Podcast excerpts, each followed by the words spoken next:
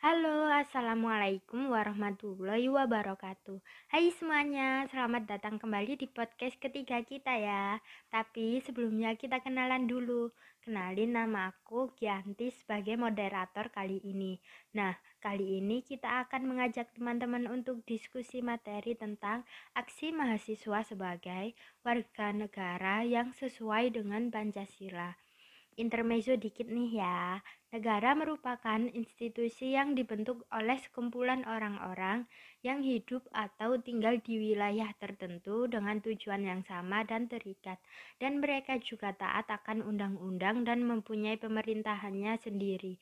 Sedangkan warga negara sendiri ialah orang-orang bangsa Indonesia asli dan orang-orang bangsa lain yang disahkan dengan undang-undang sebagai warga negara. Materi ini masih bisa dikaitkan dengan materi sebelumnya, yaitu Pancasila, karena Pancasila akan hidup apabila adanya suatu negara dan warga negaranya. Tapi kali ini kita akan fokus pada aksi mahasiswa di beberapa bidang.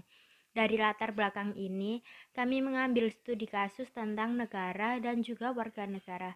Gimana? Teman-teman udah paham belum? Nah, biar makin paham lagi, Imro'atin akan ngelanjutin pembahasan ini lebih dalam.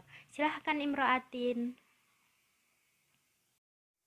Nah, jadi kesimpulan dari podcast kali ini adalah bahwa kita sebagai mahasiswa dan warga negara yang baik sama-sama memiliki peran untuk melakukan suatu hubungan timbal balik dalam kehidupan berbangsa dan juga bernegara, terutama dalam bidang sosial, politik, ekonomi, kesehatan, dan juga pendidikan.